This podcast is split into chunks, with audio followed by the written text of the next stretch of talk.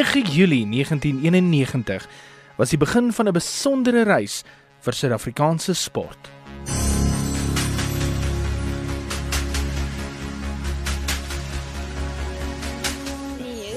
isolation, it was really an honor to be at the Olympics because a lot of great South African athletes um, just never had the opportunity.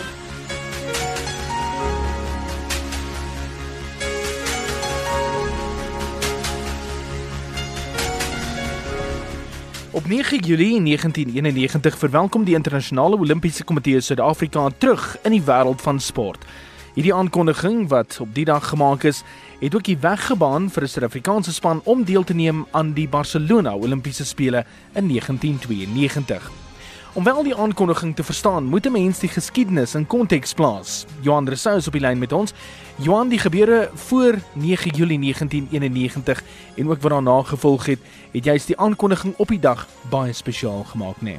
In 19 van 1908 tot 1960 kon slegs blanke Suid-Afrikaners aan die Olimpiese spele deelneem.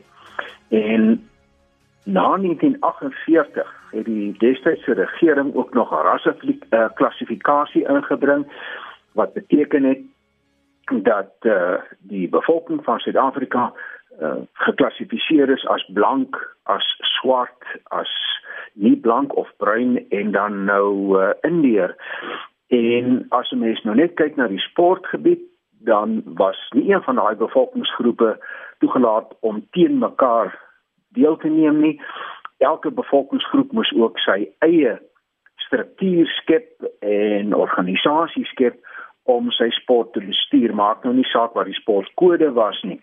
Na 1960 het die internasionale druk op Suid-Afrikaanse sport begin toeneem en jy sal onthou daar was die slagspreuk nou normal sport in an abnormal society. Die internasionale Olimpiese Komitee is baie duidelik daaroor dat daar mag nie op grond van geloof en of ras of enigiets anders teenoor mense, sportmense spesifiek dan nou waaroor ons praat, gediskrimineer word nie. Daar was dan ook met die Tokio spele 'n kans vir Suid-Afrika om 'n span te stuur, maar wat het daar gebeur wat so kontroversieel was? Daar was afvaardigings van die IOK na Suid-Afrika toe na 1960 en die Suid-Afrikaanse regering het toe of dan nou SANOK die Suid-Afrikaanse Nasionale Olimpiese Komitee van daardie tyd het aan die IOK versekerings gegee dat hulle 'n gemengde span na die 1964 Olimpiese spele in Tokio sou stuur. Wat nou gebeur het is dat die regering van daardie tyd het gesê daar mag nie in Suid-Afrika uh, proewe gehou word waar in die verskillende rassegroepe te mekaar meeding nie. Hulle moet almal aparte uh, proewe hou en dan sal 'n uh, span dan nou saamgestel word en as die span nou saamgestel word, dan mag hulle nie in Tokio in dieselfde kwartiere bly nie. Hulle moet apart bly. Hulle moet 'n aparte ehm uh, dis nou die span mag nie die springbok embleem dra nie want dit was net vir blankes gereserveer daardie tyd daar moes 'n spesiale wapen ontwerp word vir die span ensovoorts en daar's 'n hele klomp ander reëls en regulasies hulle mag nie eers in dieselfde vliegtuig gevlieg het uh, Tokyo toe nie die IOK was nie daarmee tevrede nie hulle het net eenvoudig gesê as dit die geval is jammer dan kan julle nie kom nie en dit het toe nou so gebeur dat Suid-Afrika van 1964 af nie weer aan 'n Olimpiese spele deelgeneem het vir 'n baie baie lang tyd nie. En as ons vorentoe gaan na 1990 toe, 'n baie belangrike aankondiging wat sake heeltemal verander het Johan. Toe kom die 1990 verklaring van oud-president F.W. de Klerk wat uh, die ANC en politieke gevangenes wat uh, daai tyd uh, verbode was of verban was dat dit uh, ontban is.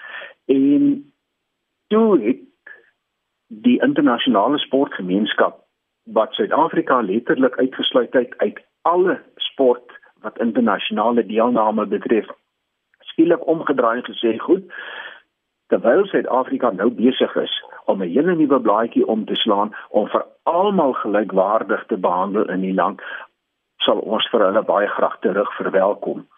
Dit was 'n baie moeilike proses ook om al die verskillende sportliggame te verenig sodat daar vir almal in Suid-Afrika verteenwoordiging in daardie sportliggame sou wees, maar uh cricket was die eerste van al ons sportkodes wat uh, as 'n verenigde uh, organisasie tot stand gekom het.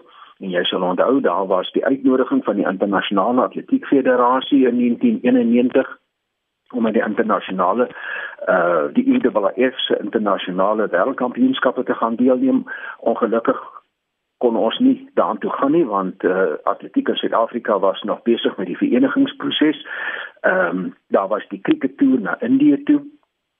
En die IOK het ook besluit maar terwyl die hele proses van vereniging nog aan die gang was dat Suid-Afrika wel na die Olimpiese spele uitgenooi sal word. En daarom is hierdie datum van vandag 9 Julie 1991 toe daardie uitnodiging na Suid-Afrika toe gekom het is so 'n belangrike datum want dit simboliseer Suid-Afrika se amptelike hertoetrede tot die internasionale sportgemeenskap. Want jy moet onthou die IOK het oor die 200 geaffilieerde lede en dit verteenwoordig 'n baie baie groot en 'n wye verskeidenheid sportkodes. Nie net enkele sportkodes nie maar 'n klomp En hierdie datum was die begin van nommer 1 die uh, totstandkoming van 'n uh,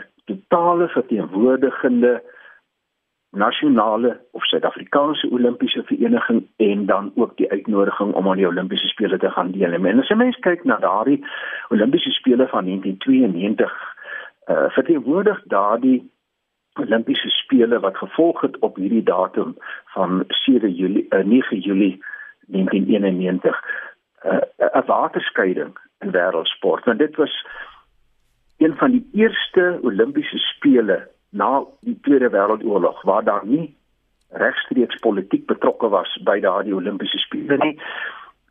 Die russe na die val van die uh, Berlynse muur en die kommunisme hmm die het daar deelgeneem uh onder 'n neutrale vlag. Suid-Afrika het uh, deelgeneem weliswaar onder 'n neutrale vlag want ons was nog besig met uh, die kom ons sê herstelproses of dan nou vereniging van sportliggame in Suid-Afrika. En wanneer mens kyk na daai beeld van 1992 se Olimpiese spele in Barcelona wat is die eerste gedagte wat by jou opkom?